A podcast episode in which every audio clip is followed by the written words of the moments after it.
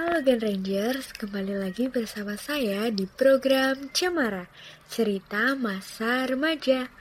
Nah, pada perbincangan kali ini, tentunya aku nggak sendiri nih. Hari ini aku didampingi sama sosok yang luar biasa dan tentunya sangat menginspirasi, khususnya di kalangan remaja. Sudah bersama saya di sini Mbak Putri Amaranggana, Duta Genre Surakarta tahun 2021. Halo Mbak Putri. Halo Gen Rangers, halo juga nih buat kakaknya yang cantik kakak hostnya, Kak Dwi. Halo Kak Dwi, gimana kabarnya? Alhamdulillah baik, Mbak Putri. Ada peribahasa nih, tak kenal maka tak sayang. Boleh dong kenalan dulu biar makin sayang. Ya, bener banget kayak yang udah dibilang sama Kak Dwi tadi, tak kenal maka tak sayang. Jadi, biar teman-teman bisa lebih akrab, bisa tahu tentang aku lebih jauh, izinkan aku untuk memperkenalkan diri terlebih dahulu. Namaku Putri Amarangan Kusmaningrum. Kalian kalau ketemu aku nih di jalan atau di mana pun bisa sapa aku dengan nama Putri. Aku adalah mahasiswi dari Prodi Hubungan Internasional semester 4 di Universitas Slamet Riyadi Surakarta. Kebetulan tahun ini aku diberikan amanah menjadi seorang duta generasi berencana Surakarta tahun 2021.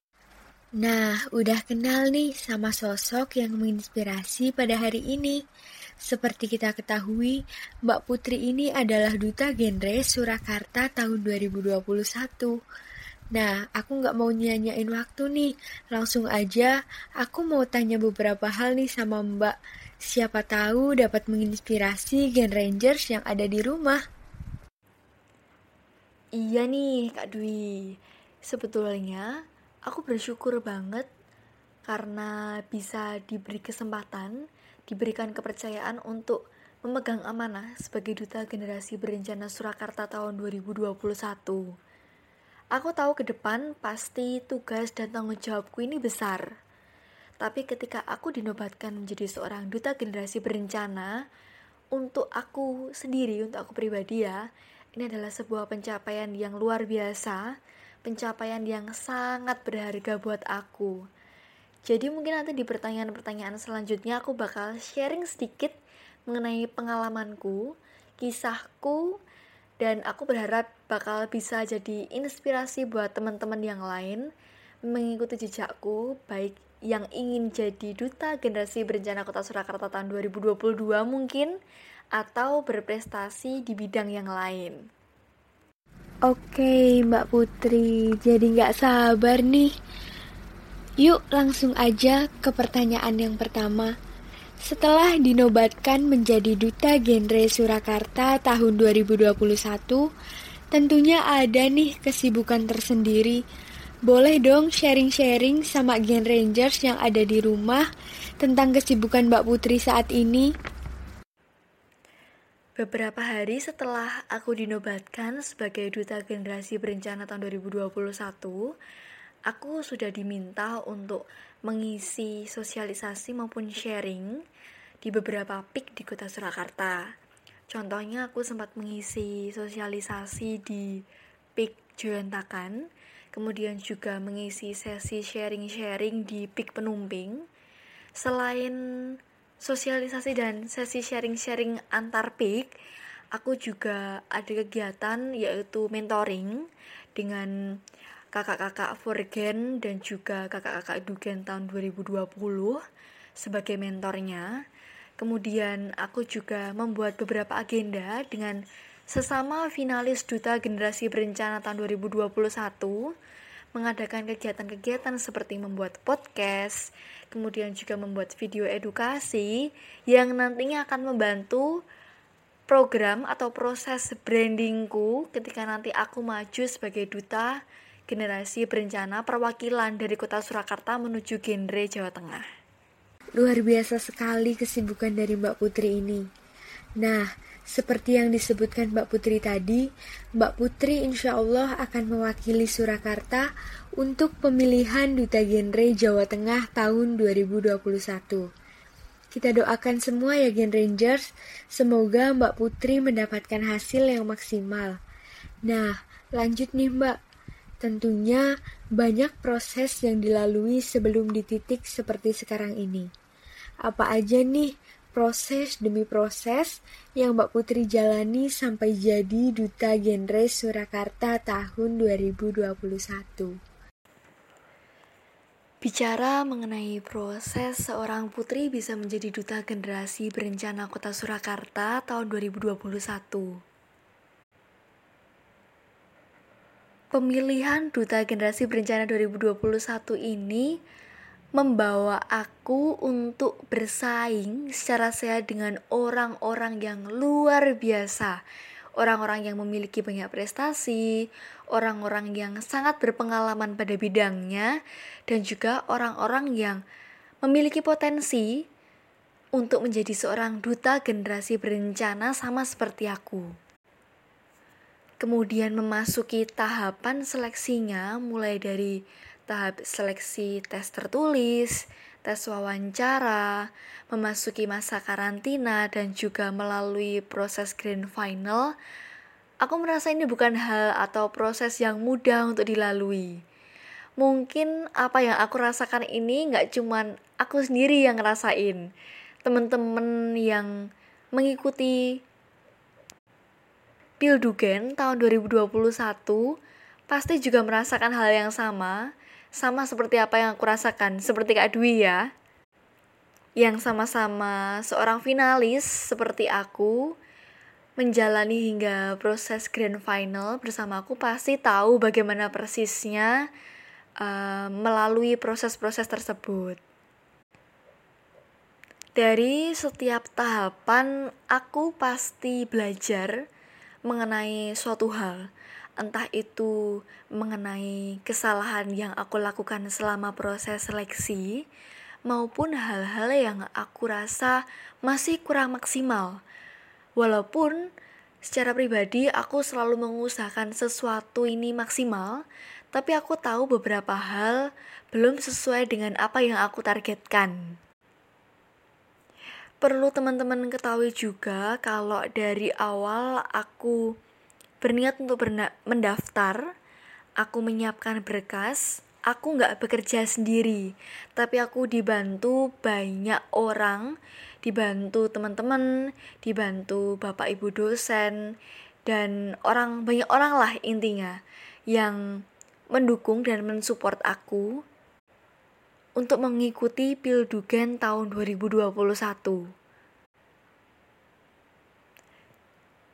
Aku berharap teman-teman juga harus punya kesadaran bahwa di setiap proses yang kita lalui untuk mendapatkan sesuatu, baik itu untuk mengejar karir atau ingin mendapatkan sebuah prestasi, pasti ada tantangan dan juga sesuatu yang baru yang harus kita lalui, yang harus kita jalani. Dan mungkin itu adalah sesuatu yang di luar dari kebiasaan kita, menuntut kita untuk keluar dari zona nyaman kita. Nah, dari situ teman-teman nggak boleh nih takut atau merasa pesimis atau mundur mungkin. Sama halnya yang aku lakukan ketika aku menjalani proses seleksi Pildugen tahun 2021.